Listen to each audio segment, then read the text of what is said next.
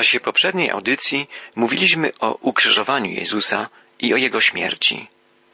Nie czytaliśmy jednak końcowego urywka przedostatniego, piętnastego rozdziału Ewangelii Marka, gdzie opisane jest to, w jakich okolicznościach Jezus został pogrzebany. Rozpocznijmy więc nasze dzisiejsze spotkanie od przeczytania końcowego fragmentu przedostatniego rozdziału Ewangelii Marka. Ewangelista opowiada, a gdy już nadszedł wieczór, był to bowiem dzień przygotowania, który jest przed sabatem, przyszedł Józef z Arymatei, znakomity członek rady, który też oczekiwał Królestwa Bożego. On śmiało wszedł do Piłata i prosił o ciało Jezusa. A Piłat zdziwił się, że już umarł i przywołał setnika i zapytał go, czy dawno umarł.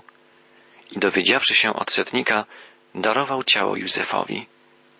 A on kupił prześcieradło, zdjął go, owinął w prześcieradło i złożył w grobowcu wykutym w skale i przytoczył kamień przed wejście do grobu. Ale Maria Magdalena i Maria, matka Jozesa, przyglądały się, gdzie go złożono. Jezus umarł o godzinie trzeciej po południu w piątek. Następnego dnia był sabat.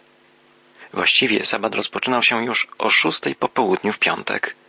Dlatego, gdy Jezus zmarł, trwały już przygotowania do sabatu i pozostało bardzo mało czasu, gdyż za trzy godziny zaczynało obowiązywać prawo sabatu i żadnej pracy nie wolno było już wykonywać.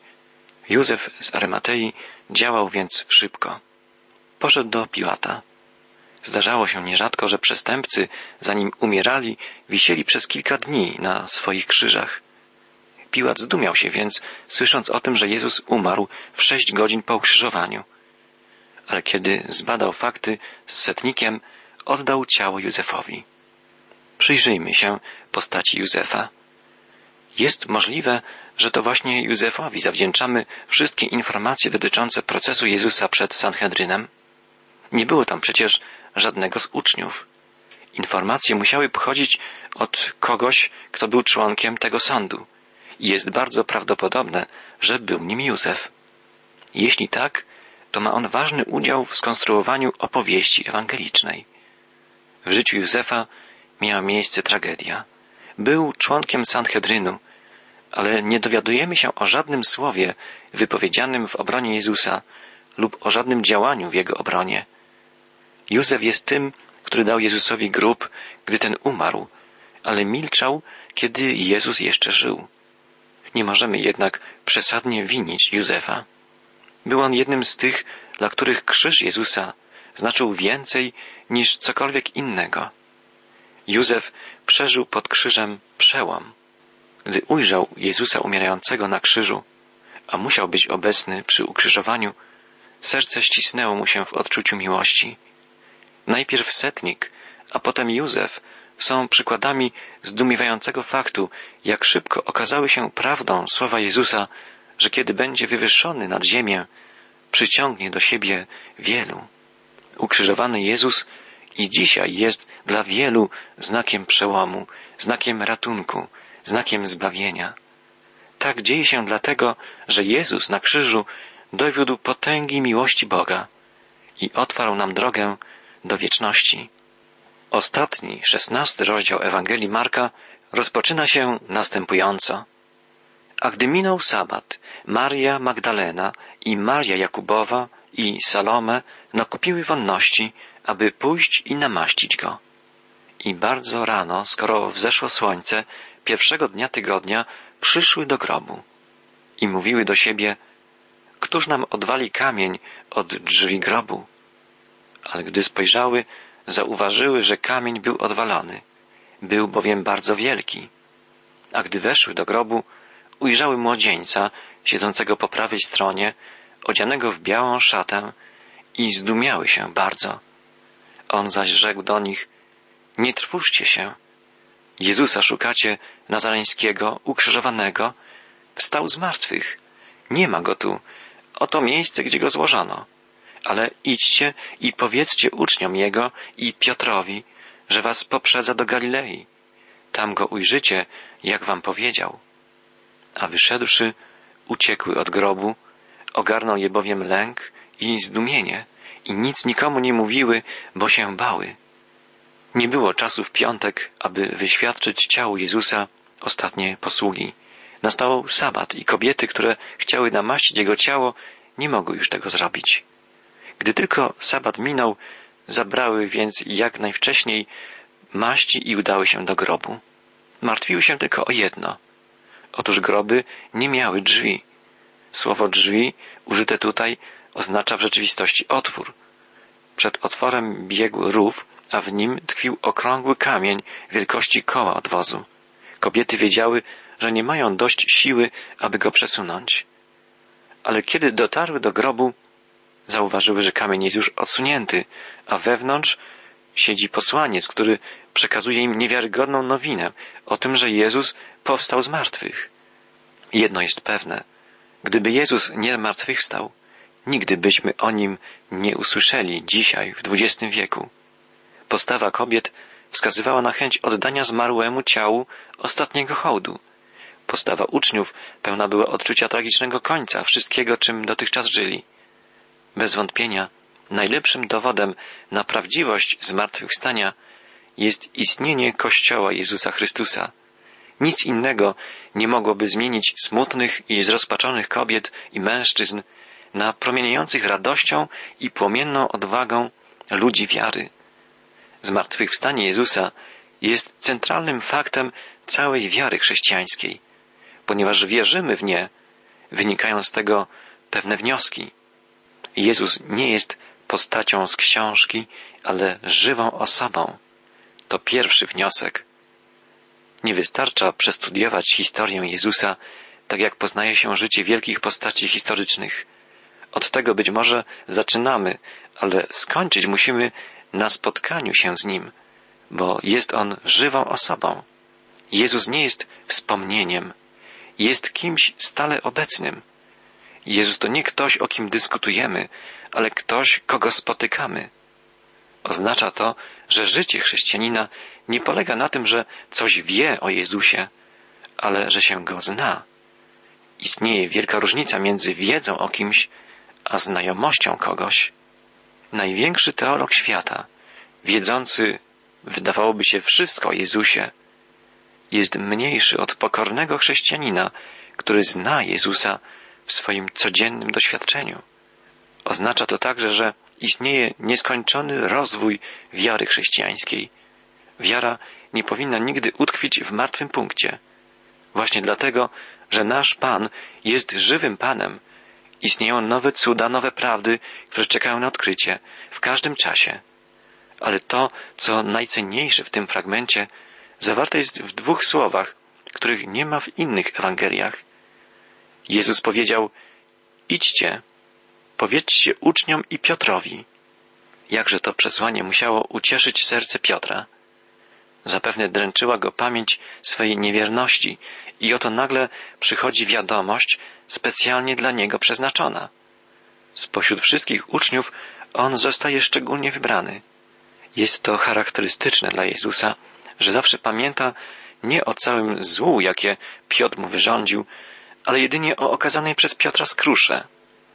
Jezus daleko bardziej pragnie pocieszać pokutującego grzesznika, niż karać go za grzech. Ktoś powiedział, najwspanialszą rzeczą u Jezusa jest sposób, w jaki obdarza on nas zaufaniem, kiedy ponosimy porażkę. Tak, Jezus nam ufa, bo nas kocha i zawsze daje nam szansę poprawy. Czytamy dalej od wiersza dziewiątego. I powstawszy z martwych wczesnym rankiem, w pierwszy dzień tygodnia ukazał się najpierw Marii Magdalenie, z której wypędził siedem demonów. Ona poszła i oznajmiła to tym, którzy z nim przebywali, a którzy się smucili i płakali. Lecz oni, gdy usłyszeli, że żyje i że się jej ukazał, nie uwierzyli. A potem ukazał się w innej postaci dwom z nich, gdy szli do wsi. Oni też wrócili i opowiedzieli pozostałym, ale i tym nie uwierzyli. Na koniec ukazał się jedenastu uczniom, gdy siedzieli u stołu i ganił ich za niewiarę i zatwardziałość serca, że nie uwierzyli tym, którzy go widzieli z martwych wskrzeszonego. Uczniowie Jezusa nie rozumieli, nie mogli pojąć, czym jest zmartwychwstanie. Mimo, że znali proroctwa Starego Testamentu, mimo, że Jezus wielokrotnie sam zapowiadał im, że trzeciego dnia powstanie z martwych, nie byli w stanie pojąć, czym jest zmartwychwstanie. Nawet gdy Jezus ukazywał się potem uczniom, patrzyli na Niego z niedowierzaniem i z lękiem. Niech nas to nie dziwi. Powstanie Jezusa z martwych jest czymś, co burzy porządek świata, w którym żyjemy. Jaskrawa światłość, bijąca z pustego grobu Jezusa, to światłość wieczności, światłość Bożej mocy i chwały. Wielu ludzi współczesnych nam także nie akceptuje faktu zmartwychwstania Chrystusa. Jest to coś, z czym umysł ludzki nie może sobie poradzić, czego nie może objąć i dlatego najczęściej po prostu odrzuca. Nawet niektórzy teolodzy tworzą hipotezy przeczące temu, że Jezus Chrystus powstał cieleśnie z grobu. Jednak jeśli powiedzielibyśmy, że zmartwychwstanie jest czymś wątpliwym, że być może go nie było, nie mielibyśmy w ogóle prawa nazywać się chrześcijanami. Apostoł Paweł pisze w swoim liście do Koryntian, jeśli Chrystus nie został wzbudzony, daremna jest wasza wiara. Jesteście jeszcze w swoich grzechach. A dalej, jeśli tylko w tym życiu pokładamy nadzieję w Chrystusie, jesteśmy ze wszystkich ludzi najbardziej pożałowania godni.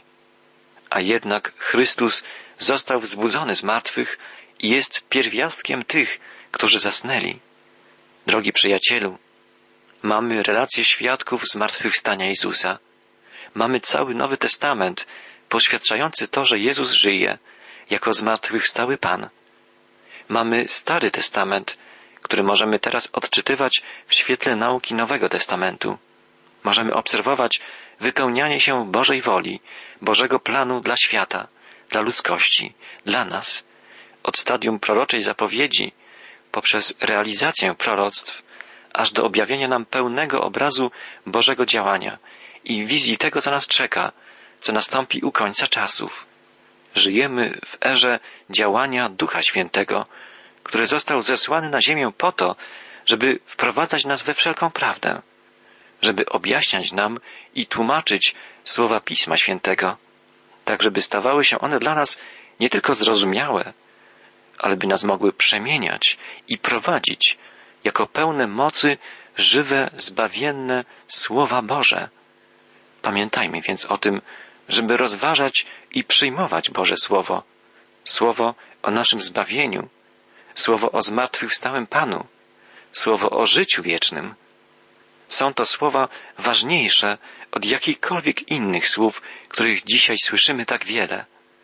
Są to słowa, które objawiają prawdę, prawdę o Bogu, prawdę o człowieku, prawdę o życiu, prawdę o miłości. Ożywia je i czyni je zrozumiałymi dla nas duch prawdy, duch Chrystusowy, działający pośród nas i w nas, jeśli otwieramy dla Niego swoje serce. Ten to Duch Święty, Duch Boży, wzbudzi nas do wiecznego życia, tak jak wzbudził z martwych Jezusa. Jak zapowiada apostoł Paweł, jeśli duch tego, który Jezusa wzbudził z martwych, mieszka w was, wtedy ten, który Jezusa Chrystusa z martwych wzbudził, ożywi i wasze śmiertelne ciała. Dalej, w końcowym fragmencie Ewangelii Marka zapisane są ostatnie słowa Jezusa wypowiedziane do uczniów. Czytamy i rzekł im, idąc na cały świat, głoście Ewangelię wszystkiemu stworzeniu. Kto uwierzy i ochrzczony zostanie, będzie zbawiony, ale kto nie uwierzy, będzie potępiony. A takie znaki będą towarzyszyły tym, którzy uwierzyli. W imieniu moim demony wyganiać będą, nowymi językami mówić będą, węże brać będą, a choćby coś trującego wypili, nie zaszkodzi im. Na chorych ręce kłaść będą, a ci wyzdrowieją.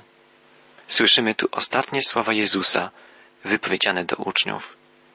W tym ostatnim spotkaniu Jezus uczynił trzy rzeczy. Po pierwsze, zapewnił uczniów o swojej mocy. Tak, Nic nie może znaleźć się poza obszarem mocy i władzy tego, który umarł i zwyciężył śmierć. Teraz więc uczniowie stali się sługami mistrza, którego władza na ziemi i w niebie nie może być już kwestionowana. Po drugie, Jezus dał uczniom polecenie. Posłał ich, aby cały świat pozyskali dla Jego uczniostwa. Jezus polecił zdobywać dla Niego wszystkich ludzi, wszystkie narody. I w końcu Jezus przyobiecał im swoją obecność. Dla jedenastu skromnych Galilejczyków musiało to być niewiarygodne, że to oni właśnie zostają wysłani na podbój świata. To, co słyszeli, zapierało im dech w piersiach, ale polecenie to było uzupełnione obietnicą. Będę z wami. Uczniowie zostali posłani, tak jak i my, dla wykonania największego zadania na świecie, ale miała też być z nimi i towarzyszyć im największa moc na świecie, moc Bożej miłości, moc Bożej miłości objawionej w pełni w Jezusie Chrystusie. W tej mocy, mocy Bożej miłości, pokonującej wszelkie przeszkody, kroczmy i my i głośmy ludziom zbawienie, ratunek zmartwychwstałym zwycięzcy, Jezusie Chrystusie. Ostatnie dwa wiersze Ewangelii Marka mówią A gdy Pan Jezus to do nich powiedział, został wzięty w górę do nieba i usiadł po prawicy Boga. Oni zaś poszli i wszędzie kazali, a Pan im pomagał i potwierdzał ich słowo znakami, które mu towarzyszyły. Czytaliśmy, że Jezus uświadomił uczniom, że Ewangelia stanie się udziałem wszystkich narodów, że jej zasięg będzie globalny. Głoszenie nowiny o zmartwychwstałym Zbawicielu rozpocznie się w Jerozolimie i dotrze do krańców świata. Apostołowie Jezusa będą tymi, którzy rozpoczną zwiastowanie światu poselstwa o zmartwychwstałym Panu i o tym, że poprzez wiarę w Niego każdy grzesznik może być zbawiony. Duch Święty da im moc do świadczenia o Bożych dziełach.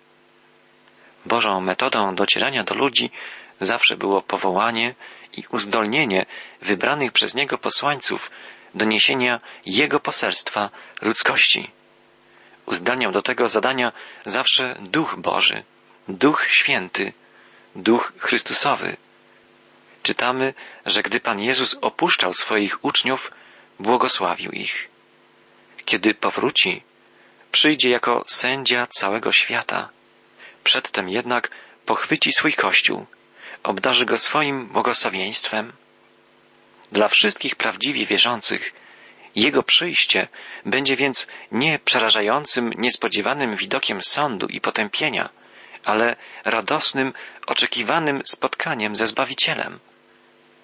Tak jak Jezus odszedł, błogosławiąc apostołów, tak powróci w pełni majestatu i chwały, aby ustanowić swoje królestwo. Czytaliśmy, że został wzięty w górę do nieba i usiadł po prawicy Boga. Tak samo jest pewne, że powróci na ziemię i będzie panował w niebie i na ziemi. O to prosimy, gdy modlimy się, przyjdź królestwo Twoje, bądź wola Twoja, jak w niebie, tak i na ziemi. Wołajmy do Pana i bądźmy gotowi na Jego przyjście.